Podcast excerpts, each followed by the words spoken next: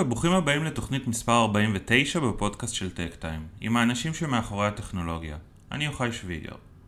האורח שלי בתוכנית היום הוא מיכאל זולוטוב, מייסד שותף וסמנכ"ל הטכנולוגיות של חברת רייזור לאבס, המפתחת פתרונות בינה מלאכותית לשיפור תהליכים תעשייתיים.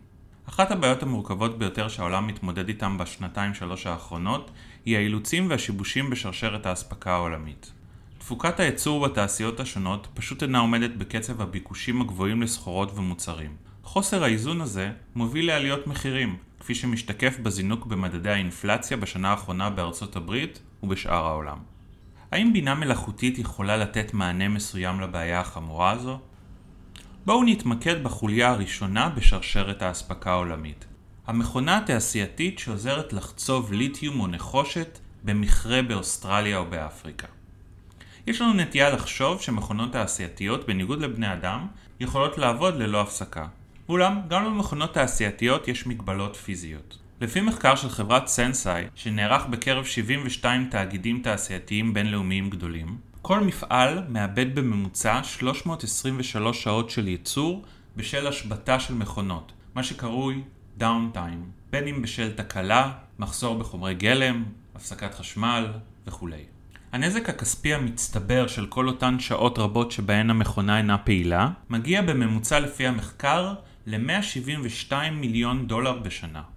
לפי הערכה, סך שעות הייצור האבודות של כלל החברות היצרניות הכלולות ברשימת פורצ'ן 500 מסתכמת ב-3.3 מיליון שעות בשנה, ובנזק כספי מצטבר של 864 מיליארד דולר. כלומר, כבר בנקודת המוצא של שרשרת האספקה, עוד לפני שהרכבנו, ארזנו ושילחנו את המוצר, ישנו חוסר יעילות משמעותי.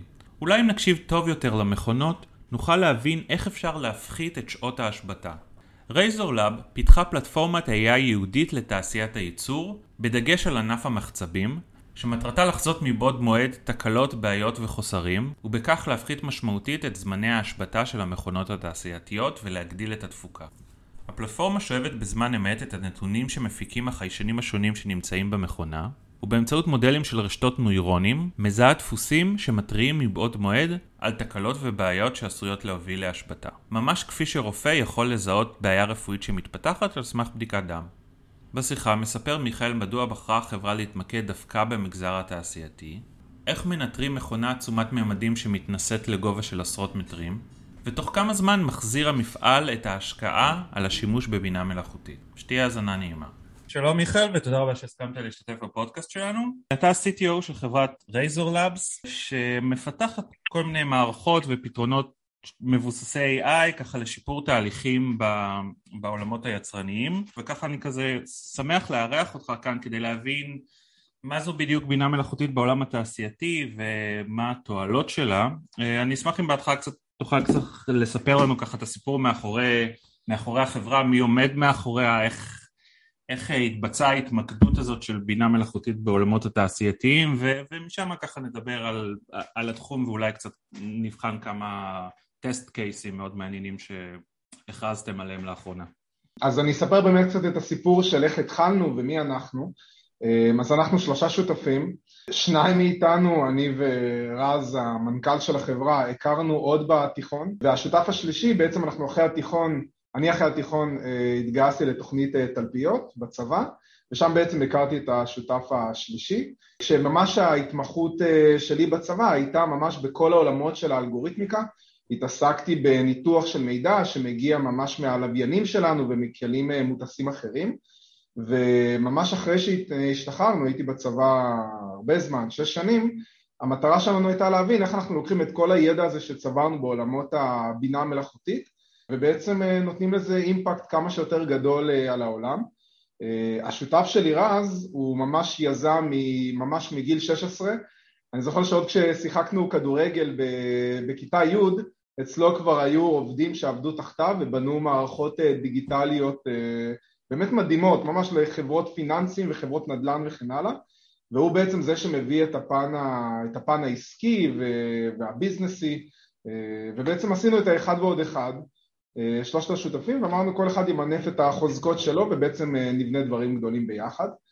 מה שקצת ייחודי בסיפור שלנו זה שבעצם אנחנו לא, לא גייסנו מעולם לא seed ולא round A ממש הקמנו את החברה bootstrap לגמרי, המטרה שלנו הייתה ממש לבנות עסק, ממש לבנות עסק כלכלי שממש מייצר משרות ואנחנו התחלנו ממש מלבנות פתרונות של בינה מלאכותית בשנים הראשונות לכל הסקטורים, החל מהיה לנו במדיקל ובריטל וב, ובפינטק וגם כמובן בעולם התעשייתי.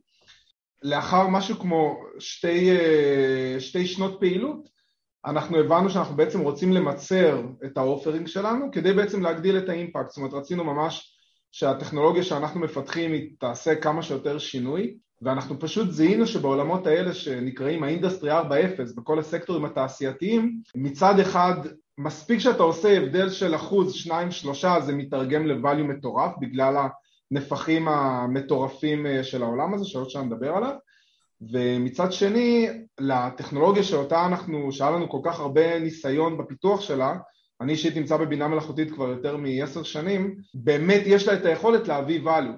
אוקיי, okay. אז, אז ככה מפרספקטיבה של עשר שנים, מה, מה השתנה בעולמות ה... בינה מלאכותית? המון המון המון דברים השתנו בעשור האחרון. למען האמת, בינה מלאכותית לא קיימת עשור, בינה מלאכותית קיימת כבר הרבה מאוד עשורים. כן, אה, כאלגוריתמים, כקונספט, לא כפתרון ישים, אם אני מבין נכון. לא, לא, האמת שאפילו אם אתה לוקח חברה, סליחה, חברה כמו מובילאיי, זו חברה שמפעילה בינה מלאכותית כבר הרבה יותר מעשור, אבל לגמרי יש פה פריצות דרך מדעיות שנעשו החל מהכניסה של ה... רשתות נוירונים המלאכותיות של Deep Learning, שזה התחיל ממש ב-2012, הרשתות, כמובן הארכיטקטורות המודרניות, ועד לממש השינויים והפריצות דרך שנעשו ממש, ב, ממש בשנה, שנתיים האחרונות. אז אם אני שנייה שם את זה כזה על מפה, עד. לפני, אה, בגדול, בגסות 2012, יש את כל התחום של אה, מה שנקרא Machine Learning, שמה שמייחד אותו, אם אני מסתכל על זה שנייה בכלליות, לדוגמה אתה רוצה להפריד בין אה, כלב לחתול, אז ממש בא בן אדם ואומר אוקיי מה הדברים שמפרידים לדוגמה בין כלב לחתול? אוקיי אז זה אולי הצבע שלו, זה אולי הצורה שלו, זה אולי המרחק בין העיניים שלו, זה אולי הצורה של האף וכן הלאה וכן הלאה, מה שנקרא פיצ'רים או פרמטרים.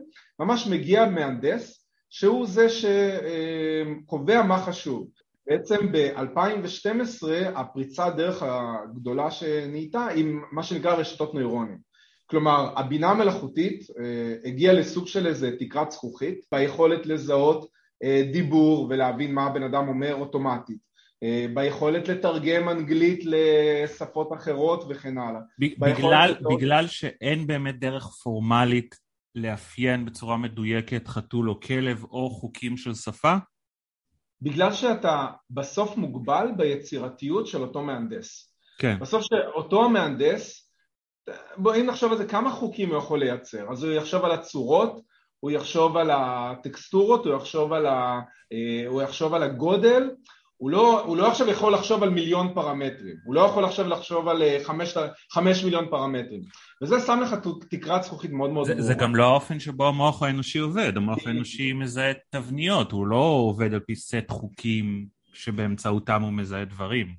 בדיוק יוחאי, זה, זה בדיוק, בול עלית על הנושא. הפריצת דרך שהייתה ב-2012 היא בעצם הגיעה עם קונספט מאוד שונה. הקונספט היה בואו נבין איך אנחנו בתור בני אדם מבינים את העולם סביבנו, איך עכשיו תינוק שנולד מבין אה, מי זאת אימא שלו ואיך אתה מזהה רכב ברחוב ואיך אתה מבין את מה שאני אומר עכשיו בשיחה ובואו ננסה לסמלץ את זה בגדול במחשב. אה, ההבדל הכי גדול לאלגוריתמים האלה זה שהאלגוריתמים הם לומדים, שהם לומדים לבד. כלומר, אתה נותן להם דוגמאות, אוקיי, זה כלב, זה חתול, ככה נשמעת המילה שלום וככה נראה בן אדם אל מול אה, רכב של אה, מובילאיי, והוא בעצמו מבין מה אותם הפרמטרים או תכלס על מה להסתכל. וברגע שהוא מבין את זה בעצמו, אז אתה בעצם יכול אה, לא להוציא עכשיו עשר חוקים או חמישים חוקים, אלא הוא יכול לחשוב ממש על אלפים ועשרות אלפים ומיליונים של חוקים שעושים את זה מאוד מאוד מאוד מדויק. זה כמו שאתה מזהה את, את ההורים שלך בצורה שהיא מאה אחוז מדויקת, כאילו אין פה איזה שאלה, אז כנ"ל הבינה המלאכותית. ומה שמדהים בבינה המלאכותית הזאת, שזה מה שנקרא רשתות נוירונים מלאכותיות, או כל התחום שנקרא Deep Learning, זה שהוא לא מוגבל גם לחושים שלנו, זאת אומרת בסוף לנו יש את, אה, את העיניים, יש לנו את האוזניים לשנייה וכן הלאה, אבל במחשב אני יכול להפעיל את זה על מה שאני רוצה, אני יכול להפעיל את זה לצורך העניין אצלנו על מידע שמגיע ממכונות תעשייתיות ענקיות, שהמטרה שלי עכשיו זה לייעל לדוגמה את הייצור שלהם. זאת אומרת זה חוש שהוא לא קיים אצל בני אדם, אבל אני יכול לצורך העניין אה, באותה מידה ללמד את האלגוריתמים האלה כאילו הם היו בני אדם עם החוש הזה, וזה זה הפריצת דרך ה... זה, זה, מה שנקרא, זה מה שנקרא unsupervised, או שזה לא קשור לחלוקה הזאת בין supervised לזה unsupervised? מגניב, אז, אז אתה נגעת פה כבר, ממש הולכים שנייה איזה level אחד פנימה, איך אני בעצם מלמד את, ה, את הבינה המלאכותית. אז תחשוב על זה שזה בעצם לא שתי אופציות אלא סקאלה שלמה. הקצה אחד של הסקאלה הוא מה שנקרא, מה שאמרת supervised. בוא ניתן לה בינה מלאכותית, בוא ננחה אותה, כן? בוא ניתן לה אלף חתולים, אלף כלבים, אלף רכבות וכן הלאה, על כל אחת ממש נגיד לה, תקשיבי, פה יש לך חתול, פה יש לך כלב, פה יש לך רכבת, פה יש לך ג'ירפה, ממש כל תמונה מתויגת. היתרון זה שהכי קל ללמד ככה, מן הסתם, זאת אומרת זה מאוד ברור, אתה נותן כל דוגמה מתויגת. החיסרון זה שיש תחומים, כמו התחום שלנו, תחום התעשייתי, שפשוט אי אפשר לעשות את זה, זאת אומרת אין לי אלף תקלות במכונות, כי אז פשוט לא היה ייצור, החברות היו פשוט פושטות רגל. קל מאוד נגיד לראות אה, גם בעולם של המדיקה לדוגמה, זאת אומרת לא תמיד יש לי המון דוגמאות ולא תמיד גם ברור מה קרה.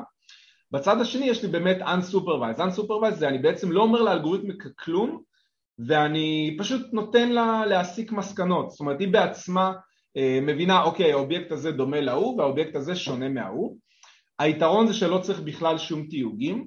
החיסרון אה, זה שיש גבול לרמת התובנות שאפשר להשיג ככה, זאת אומרת אם אתה לא אומר לה כלום לבינה המלאכותית אז גם כנראה שהvalue שהיא תיתן לך הרבה פעמים היא תהיה מאוד מוגבלת, אני אתן אה, אה, דוגמה, יכולה לבוא ולהגיד אוקיי במכונה הענקית הזאת שעכשיו לדוגמה חוצבת ברזל שנעשה בו שימוש למטוסים יש אנומליה, אבל אוקיי, אבל מה, מה, מה הבעיה? היא לא תגיד לך, ולכן זה ממש סקאלה. ממש פריצות הדרך שנעשו ממש אה, אה, בשנים האחרונות זה תחום ממש באמצע שנקרא Self-Supervised או Semi-Supervised. זה תחום שבו אתה נותן לה המון מידע שהוא לא מתויג אבל ממש ממש מעט דוגמאות כן מתויגות נגיד 5, 10, 20, 50 עכשיו אם תחשוב על זה זה קצת כמו שתינוק לומד. זאת אומרת תינוק לא בכל שנייה אומרים לו זאת אימא שלך, זאת אימא שלך, זאת אימא שלך. לא, הוא, הוא בסוף מתנהל עם אימא שלו ובשלב מסוים אומרים לו אוקיי זאת אימא, נכון? לא אומרים לו את זה מיליון פעם אלא אומרים לו את זה כמה פעמים והוא מבין אימא ובאמת אה, אימא או אבא זה המילים הראשונות שלו. וזה משהו שהוא ממש אה, אה, עשה פריצת דרך מטורפת בעולם של הבינה המלאכותית ממש בשנתיים האחרונות. אז אז ככה הצגת לנו ככה את הס... בערך את הספקטרום של התעשייה כולה, יש לך דרך לעזור לנו להבין מה הייחודיות של המתודולוגיית AI שלכם, כשאתה בא ללקוח ובא לנסות אה, לשווק את הייחוד שלכם, איך, איך, איך, אה, מה בדיוק מגדיר אתכם בתוך התעשייה הזאת? אולי אני קודם אספר קצת מה אנחנו עושים, okay. אה, כדי אולי קצת לתת קונטקסט. אז היום כל העולמות של ה-renewable energy והתעשייה הירוקה, אז אם אני מדבר על טורבינות רוח ותאים פוטו-וולטאיים והחשמול של הרכבים, זאת אומרת הפיכת הרכבים לחשמליים, בעצם אה, לא הרבה אנשים מכירים את זה, אבל אה, הוא גורם למהפכה בשוק של, ה, אה, בשוק של המחצבים, כי בעצם ברור שכולנו רוצים רכבים חשמליים וברור שכולנו רוצים אנרגיה כמה שיותר ירוקה, אבל ברגע שמסתכלים על לייצר את אותם, ה, את אותם הדברים בסקייל גדול, פתאום מבינים שיש פה צוואר בקבוק מאוד מאוד גדול בחומרים שפיזית נדרשים כדי לייצר את זה. אה, כשהחומרים האלה מה, זה... ליתיום וסיליקון? ממש, כן. אה, נגיד נחושת, היא בסוף ה basic לכל דבר שזורם בו חשמל, כי בסוף חשמל זורם דרך נחושת. אוקיי. Okay. גם אה, נחושת שדרושה לרכבים חשמליים וגם ניקל שדרוש לסוללות של הרכבים האלה נגיד וגם ליתיום שאתה ציינת מאוד מאוד נכון אה, אבל גם פלדה, לדוגמה טורבינות אה, רוח דורשות הרבה מאוד פלדה ונחושת כדי פיזית לבנות אותם והיום אם אתה מסתכל על המחירים של הסחורות האלה הם פשוט מזנקים בטירוף והיום הביקוש הוא הרבה יותר גבוה מההיצע כלומר כשאתה היום קונה רכב טסלה או אחד מבין uh, כל הרכבים החשמליים שיוצאים, אחוז מאוד ניכר מהמחיר ומהיכולת של הרכבים האלה להימכר, כי מן הסתם ככל שהמחיר יותר אפורדבל, יותר נמוך, ככה יקנו את זה יותר, הוא נטו בגלל המחסור בחומרים האלה. ולכן מספיק שאני יכול לייעל את הייצור של אותם החומרים, אה, של אותם המתכות, ואפילו חמש אחוז, עשינו פה משהו שהוא Game Changer מטורף, כי הוא ממש קטליזטור לכניסה של כל האנרגיות ה-renewable האלה, החל מטורבינות חשמליות ועד לרכבים חשמליים ותאים פוטו-וולטאיים, אבל גם ממש כל דבר כמעט שאתה ואני משתמשים בו ביום יום, אם חושבים על זה הוא מורכב מזה, כלומר כל הרמת חיים שלנו היא מורכבת מזה, אני אתן דוגמה, מטוסים בסוף בנויים מאותה פלדה, המחירים של הטיסה שאתה ואני משלמים הם ממש נגזרת מכמה עולה ממש לייצר את זה, גם פיתוח של ערים, החל מגשרים ובניינים, אם אתה חושב על זה הם כולם מיוצרים מהדבר המאוד מאוד basic הזה וכשאנחנו מסתכלים היום לעומק על איך מייצרים את כל החומרים האלה, אפשר לראות שבהרבה מאוד מקרים, בכמעט כל התעשייה, הבינה המלאכותית עדיין לא הגיעה לשם, ויש המון המון מקום לייעול. אנחנו לא באים להחליף את האנשים, אבל אנחנו כן באים להנגיש להם את התובנות על מה קורה סביבם, מה קורה, מה המצב של כל המכונות הבאמת מטורפות אה, שמקיפות אותם, אני מדבר, מדבר איתך ברמה של מכונה יכולה להיות בגובה של נגיד עשר קומות ברוחב של 70 אה, מטר, כן? זאת אומרת זה, זה באמת מפלצות עם אלפי אה, חלקים והיכולת בסוף להנגיש למהנדסים באתר איפה יש בעיה ואיפה המכונה עלולה לעצור ואיפה יש להם חוסר יעילות או לחילופין איפה המכונה צורכת הרבה יותר חשמל משצריך או פולטת הרבה יותר מזהמים משצריך זה משהו שהוא באמת Game changer בתעשייה הזאת. אתה מדבר על תחום של התחזוקה המונעת, ה-Predictive Maintenance? נכון, אנחנו מדברים על התחום של ה-Predictive Maintenance וה-Predictive Analytics. Okay. כלומר, היכולת uh, לקחת את כל הטראבייטים של המידע שנאסף היום מהמכונות האלה, ובמקומות שהוא לא נאסף, אז גם היכולת באמת לבוא ולאסוף אותו, ובעצם לתת סוג של, uh, סוג של משקפיים, מטאפורית כמובן, למהנדסים באתר ובהדקורטרס למה קורה להבין איפה יש בעיה, איפה מכונה הולכת לעצור, איפה מכונה היא אה, אה, צורכת הרבה יותר חשמל משצריך, או פולטת הרבה יותר מזהמים משצריך, ואפשר להפיק את, אותם, את אותו הליתיום נגיד לטסלות בצורה שהרבה יותר ירוקה, זה בעצם מה שהטכנולוגיה שלנו מאפשרת. וזה פתרון גנרי שאתם מפתחים, או שזה מחויב ב... זה, תמיד מבוסס פרויקט, אתם תמיד צריכים לתפור פתרון לפי המפעל שאיתו אתם עובדים. מעולה, אז קודם כל שאלה מעולה, מן הסתם יש הבדלים בין המכונות, הטכנולוגיה עצמה היא מן הסתם טכנולוגיה שהיא גנרית, הפוקוס שאנחנו בחרנו ברמה העסקית כרגע הוא להתחיל מכמה אה, תחומים, התחום הראשון והגדול ביותר שאנחנו מתעסקים בו הוא באמת תחום המחצבים, הסיבה שהלכנו לשם זה כי אנחנו הרגשנו שתחום ה-pain points שם הוא pain point שהוא מאוד מאוד אה, גדול, אה, לסבר את האוזן מכונה כזאת, לדוגמה בתחום הברזל אה, והפלדה, מפיקה בכל שעה 15 אלף טון, כל שעה, זאת אומרת יש לנו לקוח שהוא מייצא בכל יום מיליון טון ממש לכל העולם. ותחשוב שמספיק שאתה יודע לחסוך לו כמה עשרות שעות לכל מכונה, לכל שעה, זה, זה Game Changer. אבל, אבל איפה אתה חוסך? איזה, איזה חוסר יעילות אתה מזהה באמצעות הטכנולוגיה הזאת? מדהים, אז, אז uh, בראש ובראשונה אנחנו מתעסקים בחיזוי uh, של תקלות ואותן התקלות הן גורמות בעצם להשבתות, יש ממש זמן מאוד מאוד רב, נמדד במאות שעות ב, בשנה, זה תלוי כמובן בלקוח ובמכונה, שהמכונה פשוט לא עובדת, היא פשוט uh, עומדת ולא מייצרת בגלל שיש בה אחת מאין סוף סוגים של uh, תקלות.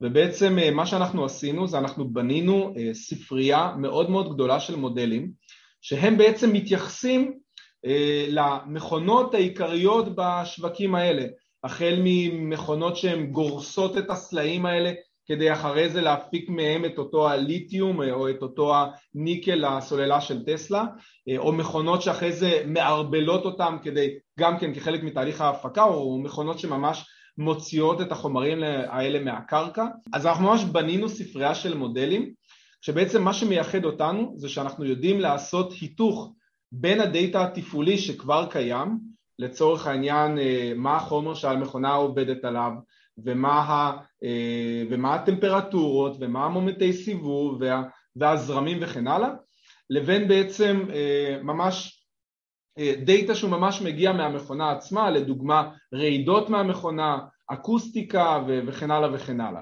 והיכולת הזאת, אגב, גם מצלמות, יש לנו מקומות שאנחנו ממש גם משתמשים במצלמות אה, כחלק מאותם האינפוטים כדי להזין את הספרייה הגדולה הזאת של המודלים שבסוף חוזה את התקלות. זאת אומרת, אתם באים למפעל ועושים לו איזה דיאגנוזה של איזה מידע הוא חשוב שהוא ייצר, איפה צריך להתקין חיישנים אקוסטיים, חיישן מצלמות, כדי שיהיה את הדאטה הזה? נכון, אז קודם כל חלק גדול מהלקוחות כבר קיימים אצלהם הסנסורים, הסנסורים האלה הרבה פעמים, קודם כל הם קיימים כדי ממש לנהג את המכונה. המכונות עצמם, תחשוב זה כמו טייס אוטומטי במטוס, אז הטייס אוטומטי במטוס יש לו את המהירות רוח ויש לו את הגובה של המטוס ואת ההספק של המנועים והכל והוא משתמש בהם כדי בסוף לנהג את המטוס ליד. גם למכונות האלה כבר יש סנסורים הרבה פעמים שמשתמשים בהם בשביל במרכאות הטייס האוטומטי שלהם. אה, אתה צודק שלפעמים ה data הזה הוא לא מספיק אה, ואז אנחנו ממש מציעים לפרוס אה, סנסורים וצריך להבין שזה סנסורים שהם off the shelf, זאת אומרת אנחנו לא באנו והמצאנו שום גלגל אלא ממש מפנים אותם לאחד מתוך אינסוף vendor ים של סנסורים שבסוף ההטמעה של הסנסור הזה היא מאפשרת לנו לקבל את הדאטה שאיתו אנחנו יכולים לחזות את אותם ההשבתות אני חושב שאולי כדאי גם להגיד שההשבתות האלה זה כמובן כמובן מתרגם ל-throughput, בעצם כן.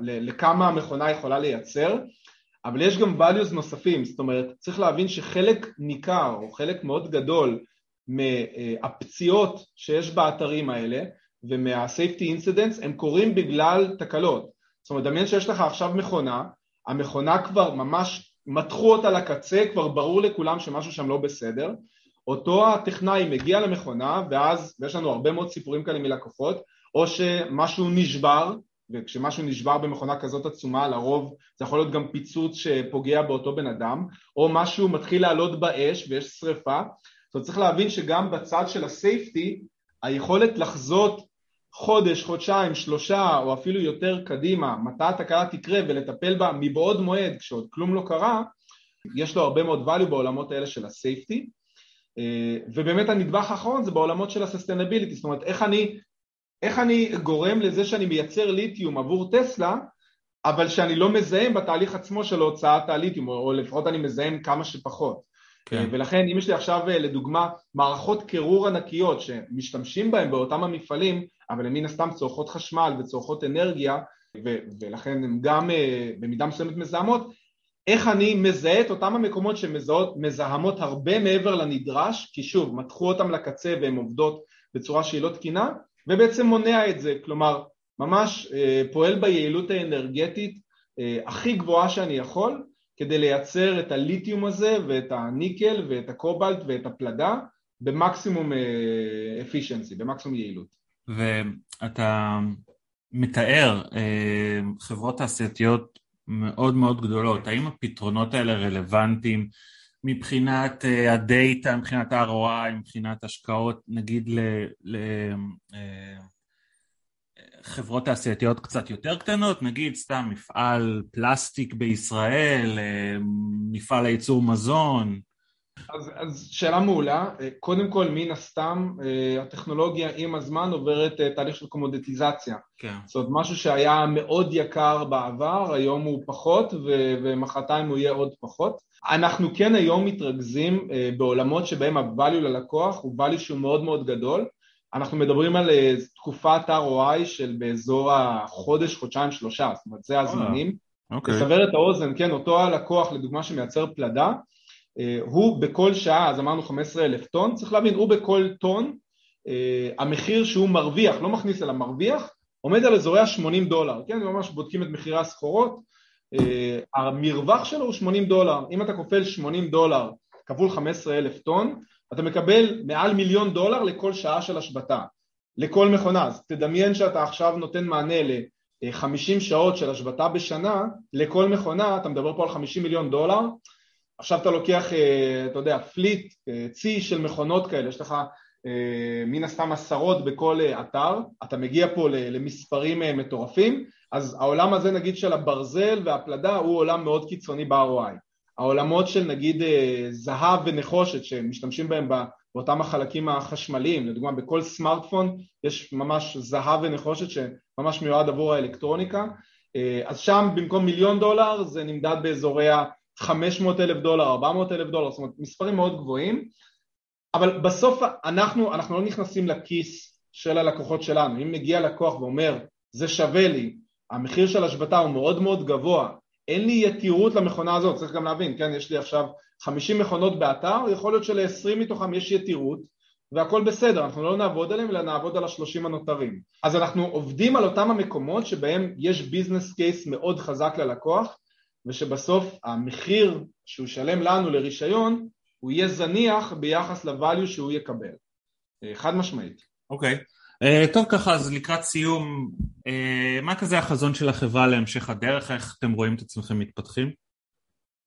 אז החזון שלנו הוא בעצם אה, להגיע לאימפקט שבו יש ממש עשרות אלפי מכונות אה, בכל העולם, החל מאוסטרליה שיש לנו שם סניף ועד לארה"ב וקנדה וברזיל ויתר דרום אמריקה ואירופה, ממש עשרות אלפי מכונות שהן ממש מוניטורד אה, על ידי בינה מלאכותית, על ידי האלגוריתמיקה והספריות האלה שאנחנו בנינו ובעצם היכולת על ידי כך בכנות להפוך את העולם ליותר טוב, זאת אומרת בסוף זה מה שמניע אותנו פה, אימפקט והרצון לעשות, אה, לעשות טוב, היכולת אה, לייצר את החומרים שכולנו צורכים אה, ושנדרשים עבור הרכבים החשמליים שלנו ועבור renewable energy ופשוט ליטרלי כל מוצר שאנחנו צורכים בצורה שהיא פחות מזהמת, בצורה שהיא יותר יעילה וגם היכולת גם להוריד את המחירים של המוצרים האלה על ידי כך שהייצור שלהם יהיה יותר אה, יותר יעיל. אה, יש פה לדעתי באמת טכנולוגיה שהיא Game Changer, זאת אומרת ממש יש הבשלה בטכנולוגיית הבינה המלאכותית וגם השוק מהצד השני מבין גם שהיכולת הבאה להגיע לרמות אה, הגבוהות יותר הבאות של היעילות היא לא על ידי בהכרח קנייה של מכונה חדשה אלא על ידי דווקא הפיכה של המכונות האלה לחכמות יותר. כן. טוב מיכאל, אה, תודה רבה על השיחה המאוד מעניינת הזאת, אנחנו בטק טיים נמשיך ככה לעקוב אחריכם, אה, ושיהיה המון בהצלחה. תודה רבה על, ה... תודה רבה על השיחה ועל ההזדמנות. תודה רבה על ההאזנה, אני מקווה שנהניתם. אתם מוזמנים להמשיך ולעקוב אחר הכתבות באתר שלנו, techtime.co.il, להירשם לניוזלטר ולהקשיב לפרק הבא בפודקאסט.